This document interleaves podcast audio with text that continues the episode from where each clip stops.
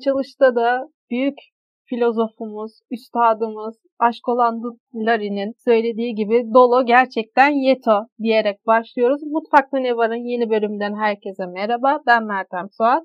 Bugün 30. bölümümüzde Cambridge Üniversitesi'nden doçent doktor Özge Öner ile enflasyonu, fiyat artışını ve bu fiyat artışının özellikle giyim, bakım ve temizlik ürünleri konusunda toplumsal cinsiyeti ve kadınları nasıl etkilediğini pişireceğiz.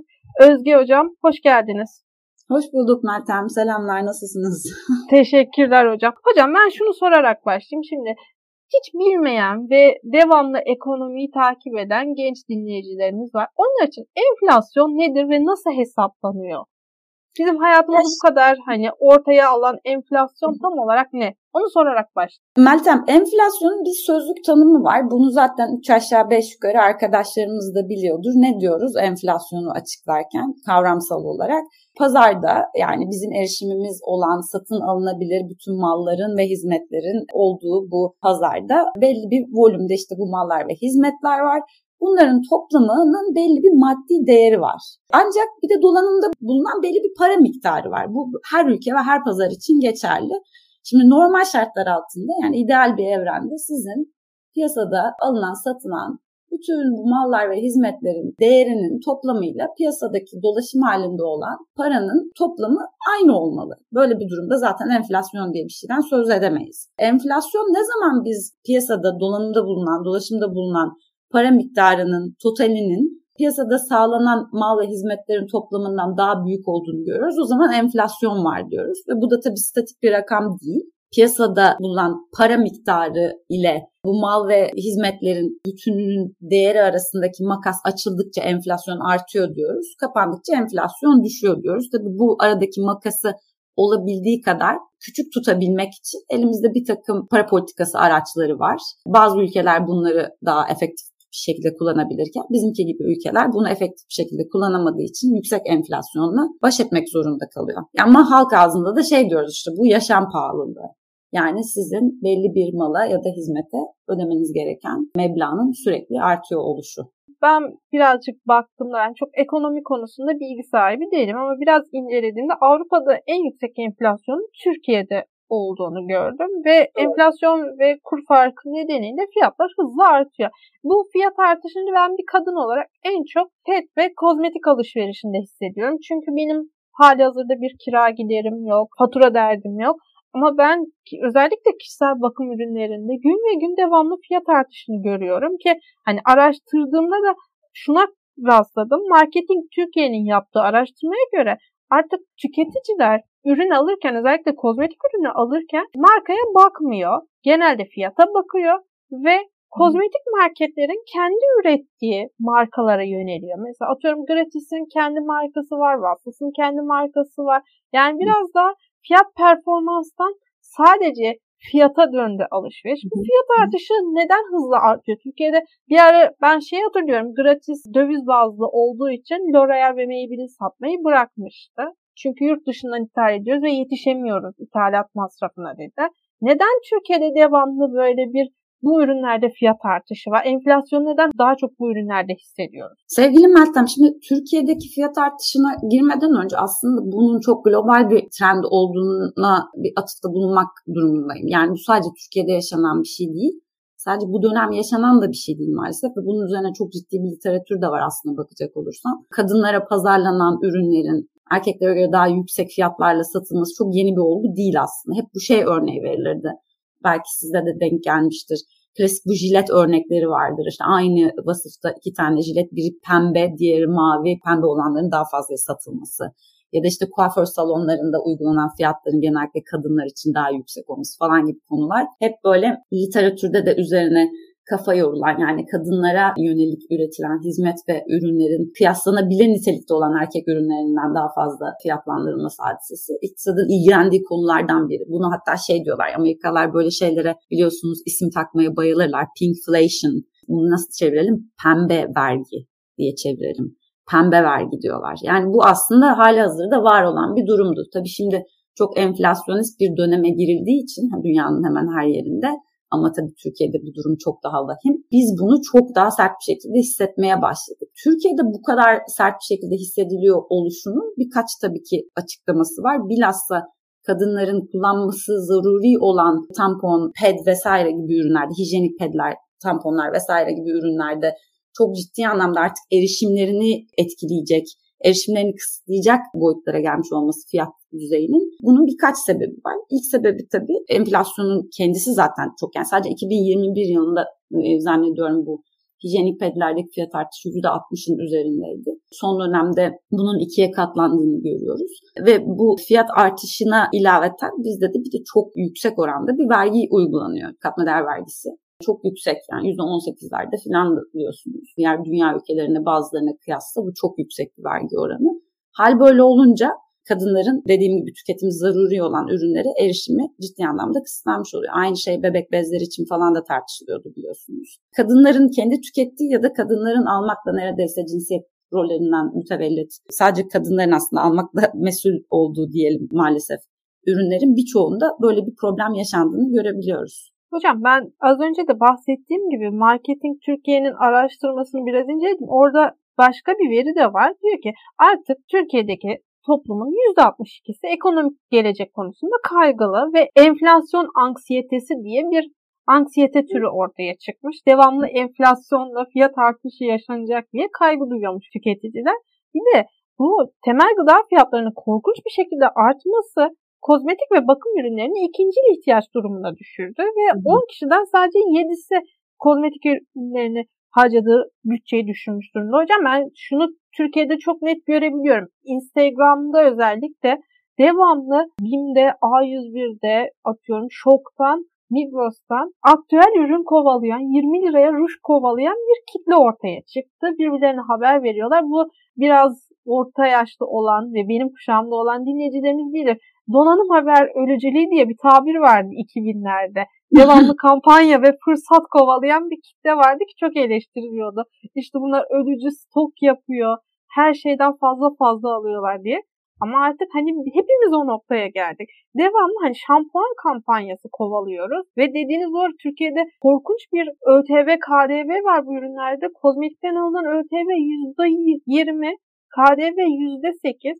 E, pet fiyatlarında da bir ara %18 KDV vardı ki hani bunu düşürdüklerini söylediler ama biz bunu rafta göremedik. E, devlet PET'i özel tüketim ürünü olarak görüyor ve ÖTV alıyor bundan.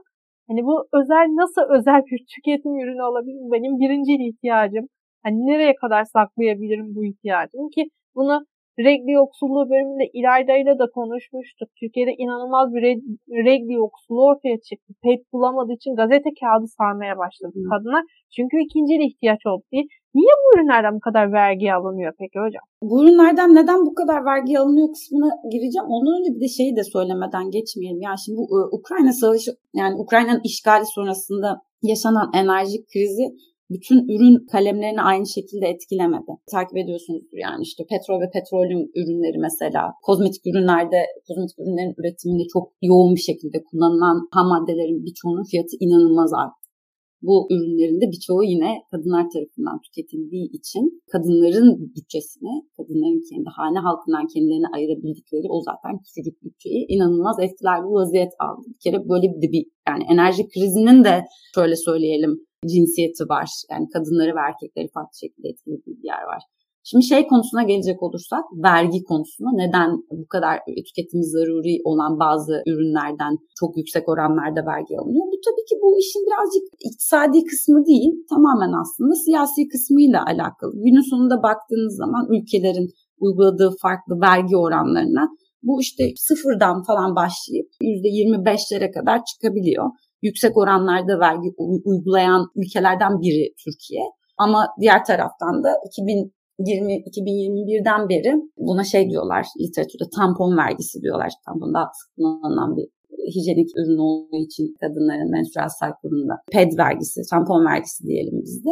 Bu vergi muafiyeti savunucuları tabii ki çok daha fazla aktif bir şekilde sahneye çıktılar. Çünkü Bu tamponların, hijyenik pedlerin işte adet kapları var temel adet döngüsüne hizmet eden diğer bütün ürünlerin diyelim. Kadınlar için kaçınılmaz bir ihtiyaç oluşuyor ve bu yüzden de bunların perakende sat, satışı esnasında vergiden muaf tutulması gerektiğine dair çok ciddi bir aktivizm başladı. Ve buna bir cevap var yani bazı ülkelerde. Dolayısıyla biz bu konuda birazcık kısır bir yerdeyiz diyebiliriz. Mesela İngiltere Avrupa Birliği'nden ayrılmasını takiben daha öncesinde genel vergilendirme kurallarına tabi olduğu için sahip olmadığı bir esneklik her zaman kötü netice vermeyebiliyor. Belki de bu bloklardan çıkmak, buradan da linç yemek istemem ama bu çok nadir olumlu gelişmelerden biri.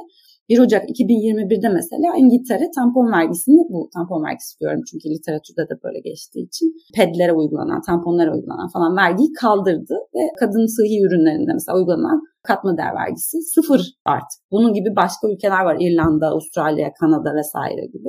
Diğer bazı ülkelerde bu katma değer vergisi uygulanmaya devam ediliyor. Mesela Almanya, Fransa gibi ama Türkiye'deki gibi %18'lerde değil. %6-8 bandında.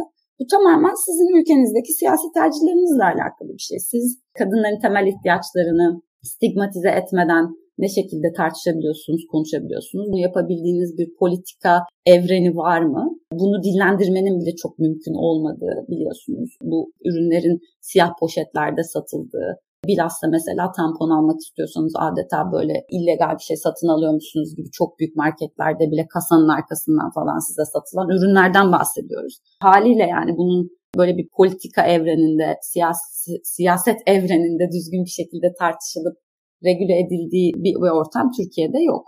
E, böyle gelmiş, böyle gider vaziyette devam ediyor. Katma değer vergi e, bizim gerileyen vergi dediğimiz fakir kesimin, e, görece fakir olan kesimin toplumda zenginlere kıyasla gelirlerinin çok daha büyük bir kısmını ödemek durumunda bırakıldığı haliyle daha dezavantajlı pozisyona düşürüldüğü bir vergi biçimi. Yani bizim bu aşamalı vergiler, insanların artan gelirlerine oranla vergi verdiği vergi tipleri gibi fakir kesimin ve orta gelirli kesimin aslında bekasını birazcık daha koruyan, kollayan bir vergilendirme şeklinin tam aksine fakir kesimin kendi bütçesinden çok daha e, yüksek oranlarda aslında vergi ödemesinin müsebbibi olan bir vergi tipinden bahsediyoruz KDV. Yani onun için e, çok adaletsiz, çok ciddi anlamda adaletsiz bir vergilendirme. Bu tamamen tercih yani. Bunun iktisadi bir açıklaması yok. Hocam benim İngiltere'de yaşayan bir yakınım var. Türkiye tatile geldi ve bana geçen gün şunu söyledi. Ya dedi İngiltere'de dedi şampuan 100 pound olsa hükümeti devirir. Tabii ki. Vatandaşlar dedi siz dedi gayet normal bir şekilde şampuan indirimli 80 liraya düşmüş. Gidip alayım bari diye alıyorsunuz hiç tepki vermiyorsunuz. Yani de çok enteresan. Bizimle de orada neredeyse 99 sente aldığımız şeyleri siz dedi burada 100 liraya alıyorsunuz dedi. 50 liraya alıyorsunuz. Bize çok tuhaf geliyor. Yani bizim biraz da halkımız tamam kasa arkasında nasıl olsa indirime giriyor.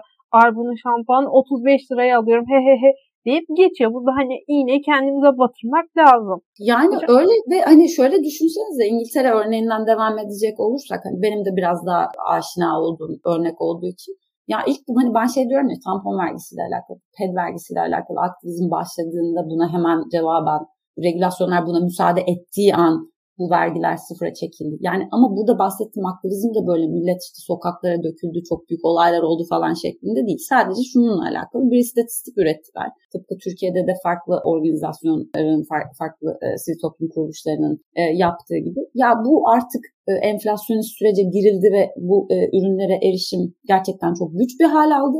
Bu sebepten bazı ailelerden gelen mesela genç çocuklar, genç kız öğrenciler okula git gitmiyorlar mesela işte periyotlarının olduğu gün çünkü çok daha işte bununla alakalı ciddi anksiyete yaşadıkları vesaire için eğer bu ürünlere erişimleri yoksa. Mesela İngiltere'deki charity organizasyonları, yardım kuruluşları e, bu tip ürünlerin teminini %150'ye yakın arttırdı 2021-2022 aralığında. Ama işte böyle bir böyle bir ekonomik potansiyel var yani buralarda anlatabiliyor muyum? Haliyle e, çok da böyle ciddi bir aktivizm bile yapılmasına gerek kalmayabiliyor. Diğer taraftan yani Türkiye'de düşünsenize yani insanlar öldürülmesin diye sokağa çıktığınızda darp edildiğiniz bir ortamdan bahsediyoruz. Hijyen ürünlerine erişim konusundaki adaletsizliğe değindiğinizde bu bir adeta sivrisinek vızıldaması gibi geliyor bu insanlara yani. Zaten gündemlerinde kadın problemi diye bir şey olmadığı için çünkü evrende yani onların kendi evreninde kadın problemi diye bir şey yok. Haliyle politik evrenlerinde de bunun bir karşılığı yok. Yani bizim şu anda sokağa çıksak Türkiye'deki kadın hareketi olarak savaşını vereceğimiz onlarca konudan sadece bir tanesi gibi kaldığı için belki de cevap bulamıyor diyebiliriz yani işte kozmetik ürünlerdeki ya da hijyen ürünlerindeki erişim problemi. Ya hocam şöyle bir şey var. Şimdi ENAK'a göre Temmuz ayı enflasyonu %176 ve en çok fiyatı artan ürün giyim sektörü olmuş. Ki kişisel bakım ürünlerinin de Temmuz enflasyonu %4,47. Tamam hani enflasyon hızla artıyor ama giyim sektöründe enflasyon artıyor ve şöyle bir sektör ortaya çıktı son dönemde. Dolap, gardırop gibi sitelerden ikinci el pazarı hani enflasyonun da görünmeyen boyutu var. Hani ben giy bir kere giydiğim ya da iki kere giydiğim bir şeyi bir başkasına satıyorum ve ikinci el pazarı hızla aktifleşiyor. Çünkü kıyafetin bile sıfırını alacak gücümüz kalmadı. Bir de şöyle bir şey var. Influencerlar da etkileniyormuş bu enflasyon artışına. Çünkü linkler kaydırılmıyor artık. Influencerlar için lütfen enflasyonu düşürelim. Bir kap koyalım kapının önüne. Şimdi Türkiye Odalar ve Borsalar Birliği'nin araştırmasına göre yılın ilk çeyreğinde kredi kartı harcamaları %85 artmış ve %58'i giyim kozmetik harcaması. Tamam enflasyon artıyor almaya devam ediyoruz ama nasıl almaya devam ediyoruz? Hem linkleri kaydıramıyoruz zavallı influencerlar mağdur oluyorlar hem de yani ikinci el almak zorundayız. Yani o giyim alışverişi evet gardırop alışverişi gözüküyor kredi kartı ekstresinde ama ben başkasının üç kere kullandığı çantayı gidip alıyorum. Neden? Çünkü sıfırını alamıyorum. Artık alacak gücüm kalmadı. Ki bu kış giyimde %30 fiyat artışı bekleniyor. Siz ne düşünüyorsunuz bu ikinci el pazarı, ikinci el tüketimi hakkında? Ya ikinci el tüketimiyle alakalı şimdi sizinle bu programa başlamazdan hemen bir yarım saat önce sevdiğim bir dostumla yine İstanbul'daki ikinci el araba piyasası e, hakkında konuşuyorduk. Yani işte 2010 model falan arabaların e, yarım milyona satılıyor olduğu bir pazar yok. Yani neredeyse artık şey böyle başka ülkelerde ikinci el Tesla'lar alabildiğiniz paralara burada işte 2015 model Opel Corsa falan alabilir bir vaziyete gelmişsiniz. Yani ikinci el pazarı her anlamda çok arttı. Bu tabii ki şeye de tesir etti. Yani bu bizim daha hızlı tükettiğimiz görece işte kıyafet gibi vesaire gibi tüketim ürünlerine de tesir etti. Burada böyle bir yine şerh koyarak devam etmek istiyorum. Siz böyle çok keyifli keyifli anlatıyorsunuz. Ben de iktisadi bir yerden girerek çok da fazla bizi dinleyenleri boğmak istemiyorum ama yine bir iktisadi fenomen var burada aslında karşı karşıya kaldığımız. O da fiyatlara, yani fiyatlarda yaşanan değişikliğe karşı talebin esnekliği kadınlar ve erkekler arasında ciddi anlamda farklı ve her ülkede farklı bu arada. Yani hangi ülkeyi ele alırsınız alın. Fiyat artışlarına karşı kadınların talep esneklikleriyle erkeklerin talep esneklikleri birbirinden farklı çıkıyor. Bununla alakalı bir sürü açıklama var. Yani bu şimdi şu döneme özgü ya da Türkiye'ye özgü bir durum değil. Ama şu ana özgü olan şey sizin de referans verdiğiniz rakamların çok dramatik oluşu. Yani normal şartlar altında hep bu talepteki esneklik erkekler ve kadınlar arasında farklıydı ve bir makas vardı. Ancak bu böyle iki kat daha yüksek enflasyon oranı kadın ürünleri için erkeklere kıyasla falan şeklinde değildi. Yani bu şu anda rakamların bu kadar dramatik oluşu bizi çok şaşırtıyor. Bununla alakalı bir açıklama düşünürken çünkü bir tane açıklama yok birden çok açıklama var şüphesiz. Ancak yani mesela birden çok açıklama var derken kastettiğim şey şu işte cinsiyet rolleri, ve bununla ilintili tüketim alışkanlıkları e, bazen işaret ediliyor literatürde bu aradaki makasa dair. Hane halkı bütçesinin kontrolü, zaruri ihtiyaçların karşılanması görevinin bir şekilde kadınlara taksim ediliyor oluşu yine cinsiyet rolleriyle bağlı olarak bazen bu e, işaret ediliyor. Davranışsal bazı farklılıklar işaret ediliyor vesaire. Bu kadınlar ve erkekler arasında bir makas görmemize sebebiyet verebiliyor deniyor. Ben işte bunlar arasında şu anda içinde yaşadığımız bu sürecin dramatikliğine bir açıklama olması açısından farklı mekanizmaları değerlendirirken şöyle bir makaleye denk geldim. 2021'de cinsiyet rollerinin farklı ekonomik beklentiler ürettiğini gösteriyor da Malmen diğer ve Weber'in bir PNAS çalışması böyle bir ampirik çalışma yapıyorlar. Amerika datasıyla yapıyorlar bunu. Burada onların bahsettiği şey şu yine cinsiyet rollerine atıfla yani daha doğrusu bunun sebebinin cinsiyet rolleri olduğunu kanıtlar nitelikte bir ampirik çalışma yapıyorlar ve diyorlar ki kadınların enflasyon beklentisi erkeklerinkine göre çok daha yüksek. Hani bu bahsettiğiniz Meltem enflasyon anksiyetesi var ya her şey daha her şey çok kötü ve ileride de daha kötü olacak hissiyatı. Bunu kadınlarda yani fiyat stabilitesiyle alakalı durumlar için ya da beklenmeyen fiyat artışları için çok daha sert bir şekilde gözlemlendiğini gösteriyorlar. Ya hocam şöyle de bir şey var. Ben geçen İlkan Hoca'yla da konuşuyordum. Ona ben çok fazla TikTok izliyorum. Burada hani kimse birbirini kandırmaz. Ben TikTok kullanmıyorum demiyorum sevgili dinleyicilerim. İzliyorum ve TikTok'ta dedim hocam çok fazla hani Nike Pro giyen kız isteği var erkekler arasında. Dedik bu Nike Pro Type çok mu pahalı bir şey? Dedim evet pahalı. Dedim hani 1000 liraya yakın inanmadı. Konuşurken açtım baktım gerçekten 800 liraya Nike'tan Tice satıyorlar ve bu Türkiye şartlarında normal bir şeymiş gibi. Yani 2000 liraya ayakkabı almak artık kimsenin tuhafına gitmiyor. Ya da yazın kışlık kışın yazlık alışverişi yapmak da kimse yadırgamıyor bunu. E biz hani ne ilk çağlardaki gibi yaprakla dolaşacak değiliz. Ya devamlı ikinci el alıyoruz. Hocam pazarda mı da enflasyon var? Ben Semt pazarına gittim hani geçen gün ve orada sahte bir pantolonun 800 liraya satıldığını gördüm. Duydu hani kulaklarımla duydum. Adam 800 lira dedi. E dedim ben gider orijinalini alırım. Neden 800 liraya alayım? Diyor ki zaten sana satmıyorum. Araplarla Ruslara satıyorum diyor ve aradan çekiliyor. Piyanist filminde vardı ya neden o lanet Alman paltosunu giyiyorsun diye. Onun gibi ol. Neden yazın palto alıyorsun? Çünkü kışın palto alacak param yok. Herkesin normalleştirdiği bir durum oldu bu yapılan çalışmaya e, referans vermemin sebebi de tam olarak bu Meltem. Yani eğer enflasyon beklentisi kadınlarda çok daha yüksekse, piyasadaki fiyat sinyallerini kadınlar daha eş zamanlı okuyabiliyorlarsa ki bunun dediğim gibi temel sebeplerinden bir tanesi sadece bizim bireysel tüketimlerden değil, hane halkının zaruri ihtiyaçlarının temininden de çokça zaman kadınların mesul olmasıyla e, ilintili olduğunu söylemek mümkün piyasayı çok daha fazla takip ediyor kadınlar aslında bakacak olursanız. Hani ekonomik okur yazarlık oranları hep kadınlarda daha düşük diye çıkar tüm bu çalışmalarda ama tüketim alışkanlıklarına baktığınız zaman hane halka bütçesinin temel ihtiyaçların idaresinin ekseriye kadınlarda olduğunu görebilirsiniz. Bunun tabii cinsiyet rolleriyle doğrudan bir ilişkisi var. Bunun çok daha sert hissedildiği bazı ülkeler var bizimki gibi. Bunun çok da böyle olmadığı başka bazı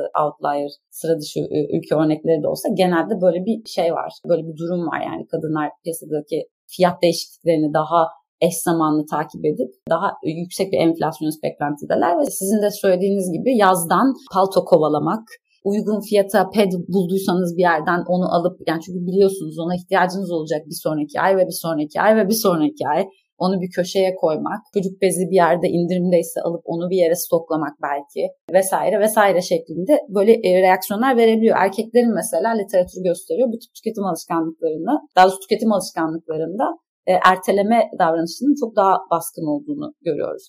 Yani şimdi almayayım sonra e, alırım tam tersi bir yönelim var aslında bakacak olursanız. Yani Erkekler şu, daha e, relax davranıyor sanki bu konuda. Tabii. Hocam. Daha disagreeable. Yani bu şey davranışsal iktisatta buna şey diyorlar yani. Erkekler daha disagreeable, daha uyumsuzlar aslında piyasadaki değişen koşullara. Onlar piyasayla uzlaşarak değil, bazı ihtiyaçları ya da ihtiyaç yani burada ihtiyaç derken çok geniş bir kavramdan bahsediyorum tabii ki. Yani her şey bir diğeri kadar zaruri ihtiyaç olmamakla beraber hani iktisattaki karşılığıyla ihtiyaçları diyelim tüketim kalemlerini ötelemeyi tercih edebiliyorlar. Kadınlarda daha fazla stoğa yönelim var. Ya hocam şöyle bir şey var. Kadınlarda mesela ben gratis'e gitmeyi çok severim. Ama sadece şu dönemde gezebilirim. Ben üniversitedeyken çok fazla marka kozmetik kullanıyordum. Benim için Sephora'ya gitmek aşırı lüks bir olay değildi ya da marka ürünler kullanmak ama iş hayatına başladıkça hele şu dönemde gidememeye başladım. Hani tam para tersine. kazandıkça tam tersine döndü benim ekonomik durumum. Ben gittiğimde şunu görüyorum. 110 liraya ruj satılıyor. 150 liraya fondöten satılıyor ve bunlar lüks markalar değil. Ortalamanın bir üstü. Ben şunu da gördüm mesela sosyal medyada. Bir erkek kullanıcı gratis'e gidiyor e, tipik kadınlar hakkında ahkam kesen bir erkek diyor ki kadınlar için tıraş bıçağı daha pahalı, erkekler için daha ucuz. Kadınlar tıraş bıçağı alacaksanız erkekler için olanından alın. Ya çözüm şu, ya bu mu şu an? Erkekler için olanından aldığımızda olay bitecek mi? Tamam o zaman ya. Arkadaş aldım, çözüm, aldım arkadaş diye. 50, 50 senelik literatürün münazara konusunu onu almayın bunu alın diyerek çözmüş. Yani bu bahsettiğimiz şey dediğim gibi pinkflation, pembe vergi dediğimiz şey çok daha derin bir mevzu e, şüphesiz. Onu almayın bunu alın kadar basit değil. Yani burada cinsiyet rollerine referans vermeden dediğim gibi ya da hane halka bütçesinin kontrolü kimde bununla ilintili olarak buna referans vermeden sadece öyle öznel tercihler üzerinden ilerlenilerek yapılan tüketimler, bu tüketim alışkanlıkları gibi konuşmak çok şey yani afaki, hoş da değil. Ya, bana, şöyle bana bir şey var. Tüketim arttıkça şimdi bir tarafta evet hızlı enflasyon fiyat artışı var. Her şey çok pahalı. Ben geçtiğimiz aylarda komedyen Öz, Özer'le birlikte güzelliğin 10 para etmez diye neden kadınlar güzel olmak zorunda diye bir bölüm yapmıştım. Şimdi onun başlığını değiştiriyorum. Artık güzelliğimiz 10 para eder. Hani güzelliğin şöyle de bir etkisi oldu ekonomik krizin. Z kuşağı devamlı tüketim çarkıyla büyüdü ve tüketimin içinde büyüdü. Onlar her şeyi alabilmek istiyorlar ve her şeyi alabilmek için artık sıcak para istiyorlar. Ne yapıyorlar? Meslek sahibi olmak yerine YouTuber olmayı, TikToker olmayı tercih ediyor. Influencer olmayı tercih ediyor ve ne yazık ki bir kısmı da OnlyFans gibi sitelerden içerik üretmeye başlıyor. Neden? Çünkü ona gösterilen hayatta Şeyma Subaşı var. Ona gösterilen hayatta influencerlar var ve onlar gibi yaşayabilmesi için meslek sahibi olamayacağını biliyor. Sıcak para ihtiyacı var. Ne yapıyor? Tüket tüket çarkının içinde başka mecralara kayıyor. İlişkiler de etkilendi. Hocam şimdi şöyle bir dönem var. Öğrenciler barınma krizi yaşıyor. E artık bir öğrenciysen ailenin yanında yaşıyorsun. Şehir dışında okula gitmek şu dönemde imkansızlaştı. E sevgilinle nerede buluşacaksın? Kafede buluşacaksın. Buluşamıyorsun.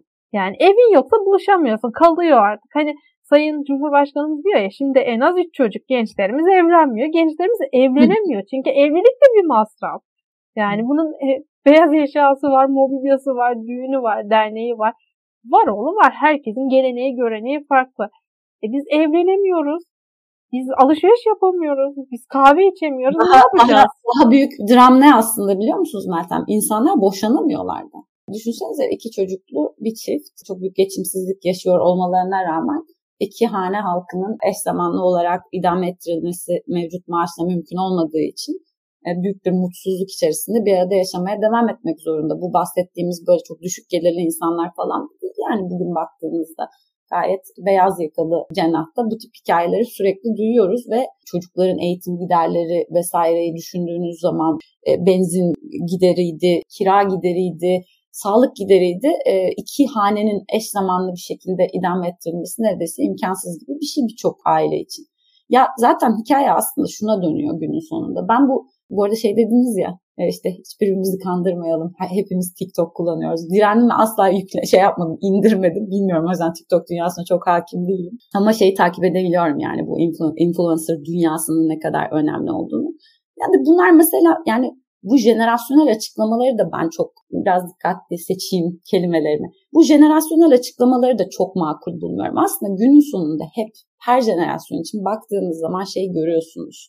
Önemli olan gençler için, genç insanlar için hem genç kadınlar, genç adamlar için kendi mutluluklarının peşinden koşabilmek özgürlüğüne sahip olmak. Yani bu özgürlük zaten bütün özgürlükler yani daha doğrusu iktisadi kısmı bu işin. İktisadi özgürlük bütün özgürlükler dünyasının içerisindeki bir, bir şey. O olunca bütün her şey çözülmüş olmuyor şüphesiz. Öyle, öyle olsaydı iktisadi anlamda çok kalkınmış olan her hanenin mutlak mutluluğa erişmiş olduğu gibi bir sonuca varırdık. Ancak bu yeterli bir koşul olmasa da gerekli bir koşul. Yani sizin kendi mutluluğunuzun peşinden koşabilmeniz için gereken bir askeri ekonomik özgürlüğe sahip olmanız lazım. Bu ekonomik özgürlüğü elinden alındı bu çocukların aslında, bu genç arkadaşların. Bu süreç içerisinde bu enflasyonist ortamın bilerek, isteyerek yaratılması sonucunda. Biz kendi öğrenciliğimizle kıyasladığımız zaman bugünkü genç arkadaşların hayattan taleplerini ben daha conspicuous, daha gösterişli bulmuyorum. Yani bizim de o zaman işte şimdi X markası çok revaçtadır ve tüketilmesi gerekiyordur. İşte o zaman da başka bir şeydi o anlatabiliyor muyum? İşte şimdi bir mekana gidilmek gidilmesi çok önemlidir sosyal popülarite için. O zaman da başka bir şey. Yani aslında bu her jenerasyonda olan tüketim ihtiyaçları yani tüketerek bir şekilde bir şeylerin bir tüketim dünyasının içerisinde kendimizi konumlandırmak durumunda olduğumuz için sadece bu jenerasyona özgü bir durum değil. Bizim sadece bu temel ihtiyaçları diyeyim karşılayabilmek iktisadi özgürlüğümüz vardı. Yani şimdiki arkadaşların maalesef böyle bir şey yok. Bu çok acı bir şey. Bu gerçekten çok üzücü bir şey. Birkaç tane ekstra işte çalışarak işte ben kendi öğrenciliğimi düşünüyorum. Birkaç ekstra işte çalışarak işte bursla şunla bununla falan gayet makul bir yaşam standartına sahiptik ya İstanbul'da merkezi bir yerde bir evde oturabiliyorduk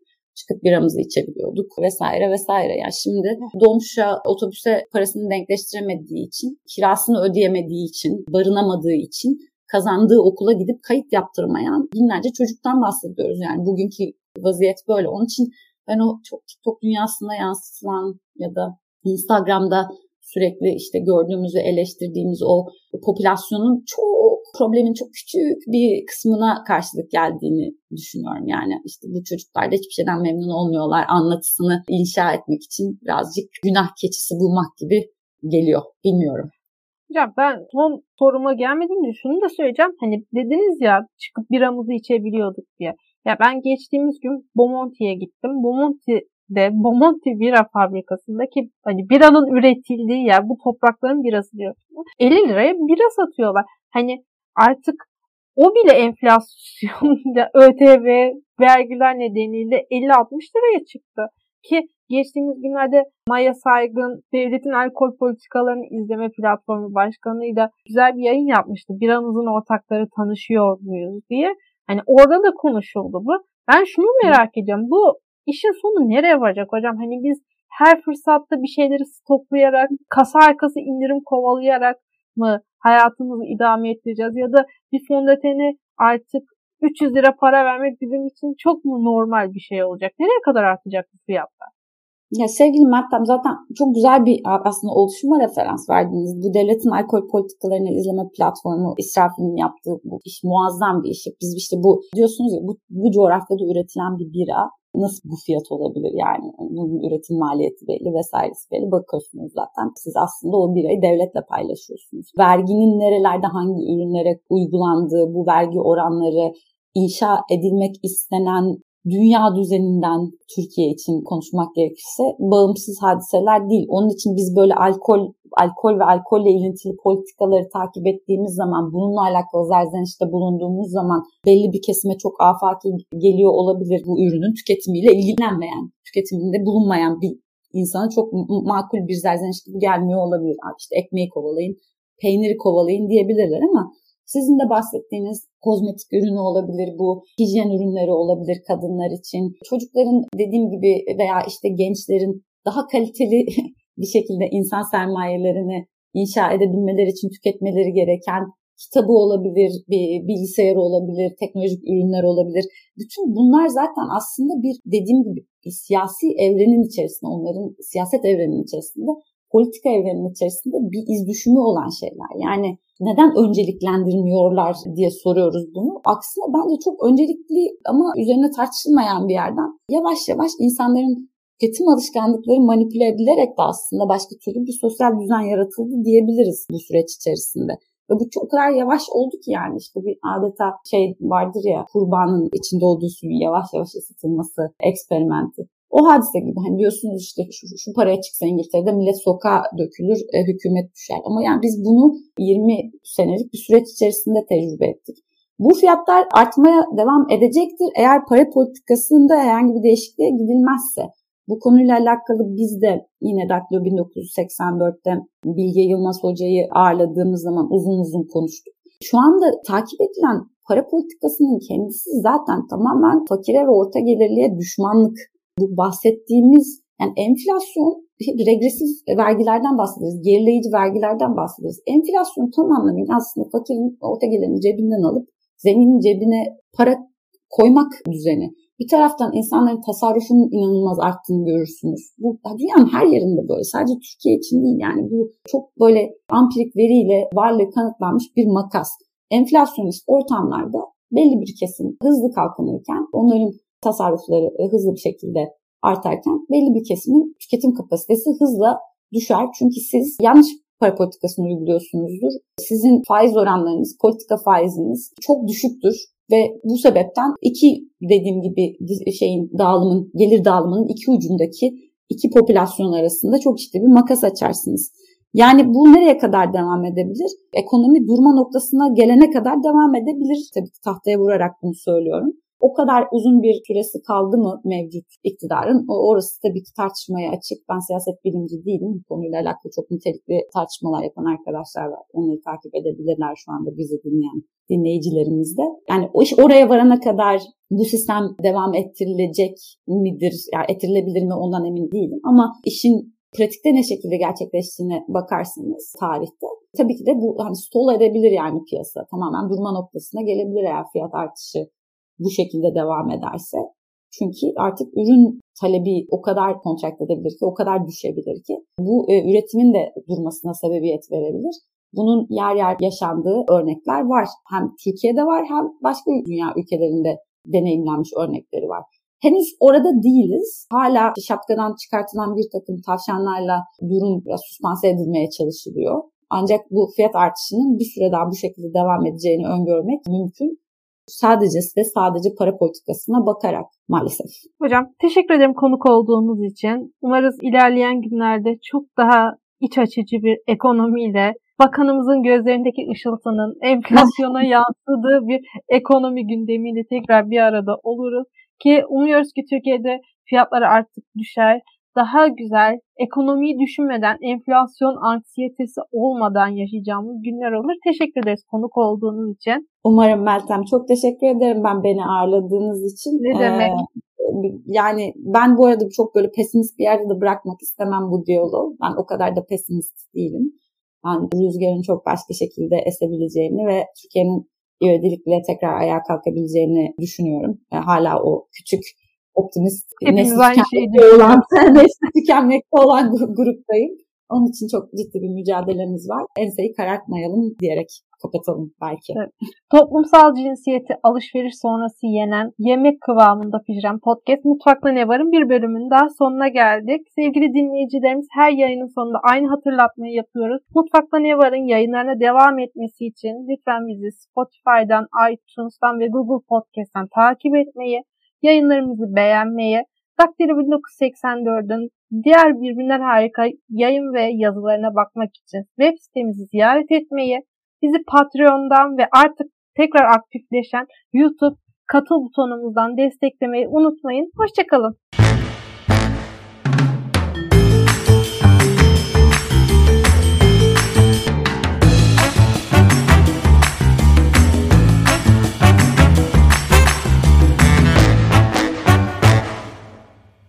当劳